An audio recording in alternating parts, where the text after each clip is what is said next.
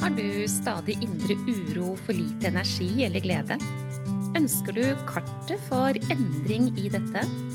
Hver episode er dedikert til å gi deg gullnøkler for livsglede og ro.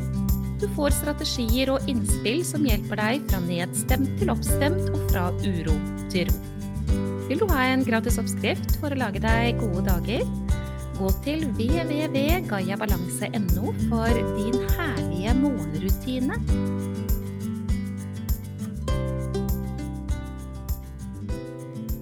Denne episoden skal handle om det å oppleve en ganske så dramatisk endring i livssituasjonen, for så å oppleve seg selv som irritert, frustrert, på en slik måte at man gir det til uttrykk, og så sitter man igjen med en dårlig samvittighet etterpå.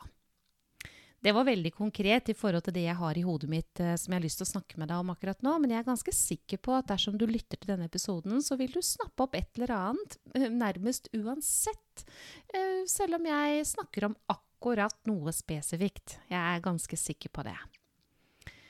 Jeg er inspirert av en mann jeg har snakket med, som sa følgende Min kone er syk. Jeg vet jo at hun ikke fungerer som før, men allikevel så blir jeg irritert på henne når hun ikke engang kan gjøre de enkleste oppgavene i huset, som hun gjorde som en selvfølge tidligere. Ja, og når den irritasjonen kommer til uttrykk, så sitter man igjen med dårlig samvittighet, fordi man vet jo at vedkommende er blitt syk, og samvittigheten sier at da kan man ikke kreve noe, her skal man være snill og ordentlig og flink og alt mulig, og, og ta hensyn til. Og allikevel så kommer denne irritasjonen. Og det er altså så lett å forstå, men det gjør jo vondt, og man må jo se på hvordan kan jeg løse dette annerledes. For det første, når stressnivået øker, så er dette med irritasjon, frustrasjon, sårbarhet, sinne, dårligere tålmodighet veldig, veldig vanlige følger av det. Vi må rett og slett bare forholde oss til at det jeg snakker om nå, det er symptomer på økt stressbelastning. Og det er ikke fordi man er et dårlig menneske. Nei, nei, det er fordi man er et menneske. Så egentlig er det symptomer som forteller at nå er belastningen så stor at du er faktisk nødt til å ville se på hvordan du skal balansere bedre enn det du gjør per nå. Når det blir en endring i livssituasjonen, så er det jo klart at det i seg selv er en belastning. Det er ingen tvil om det. Helt spesifikt i forhold til det som var innspillet her nå, så er det klart at når alle husets oppgaver eh, blir lagt på en selv, da, ikke sant, eh, mer enn det man har tatt unna tidligere, man blir sliten, det er jo eh, he, he, Altså, sånn er det jo. Og i tillegg til det så kan det jo være noe med denne situasjonen som er uavklart som er utrygt. Hva skal skje? Hva kommer til å bli da? Bekymringene øker. Det er kanskje noe frykt og noe redsel. Hva kommer til å bli sånn, og så skjer det, og så kommer det til å bli sånn, og så blir det enda verre, og så, kom, ja, så holder vi det gående. Så denne irritasjonen er egentlig ment som en beskjed om at hallo, du må justere noen ting. Du er nødt til å se denne situasjonen på en annen måte. Og du er også nødt til én ting til. Det er å øke, øke egenomsorgen. Veldig typisk å bli irritert og frustrert og ha liten tålmodighet og bli sinna når det ikke er noe mer å ta av, for å si det sånn. Denne dårlige samvittigheten den kommer jo fordi man faktisk ønsker og vil være et godt menneske, og man har lært at man kan ikke kreve noe av noen som er syke. Men jeg har ikke så lyst til å gjøre så fryktelig mye med den samvittigheten, annet enn å korrigere den i retning av at OK, jeg er et menneske, og nå ble jeg irritert. Korrigere i retning av å være snill med deg selv, ikke sant? At nå kom det en reaksjon. Ja vel, men jeg er et menneske, og nå er jeg pressa. Så nå føler jeg på denne måten. Men det du ikke har lov til å gjøre, det er å la være å ta ansvar for hvorfor det kommer. Det vil si altså denne økte belastningen. Ta Se for deg en sånn gammeldags vekt. Gjør det. For det er veldig ofte et nyttig bilde i forhold til det vi snakker om.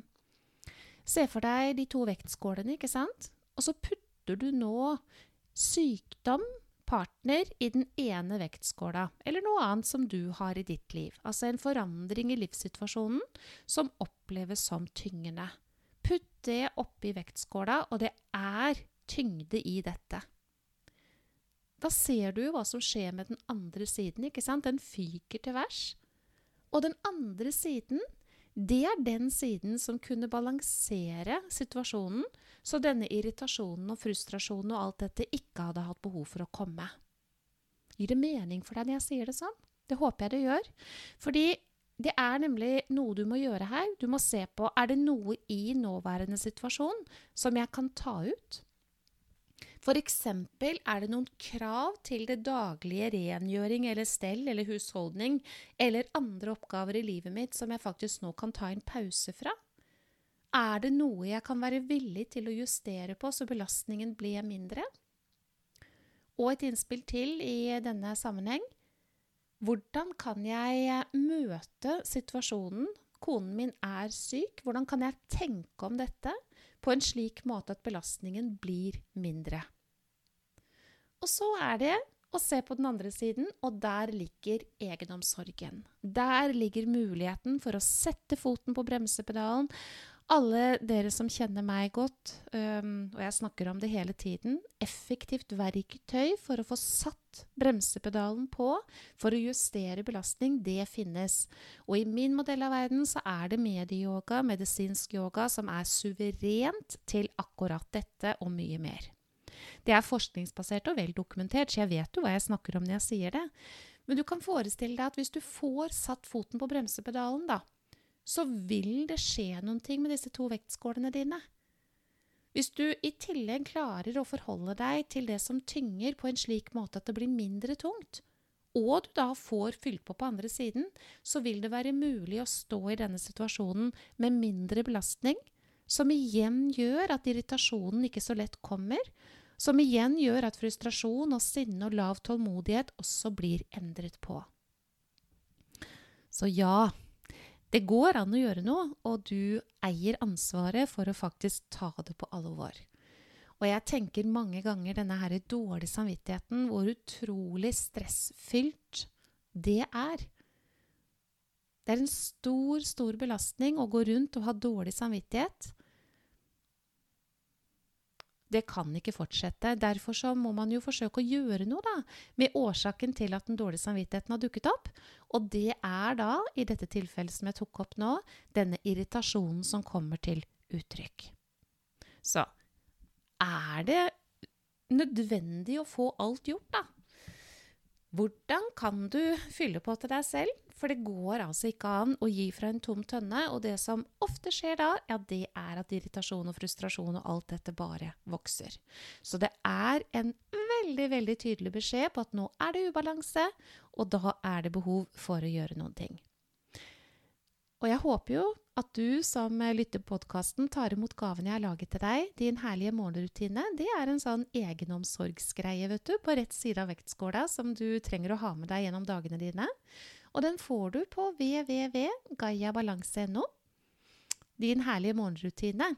Mm. Det er ikke det eneste du må gjøre, men det er eh, et godt bidrag og et veldig, veldig fint sted å starte.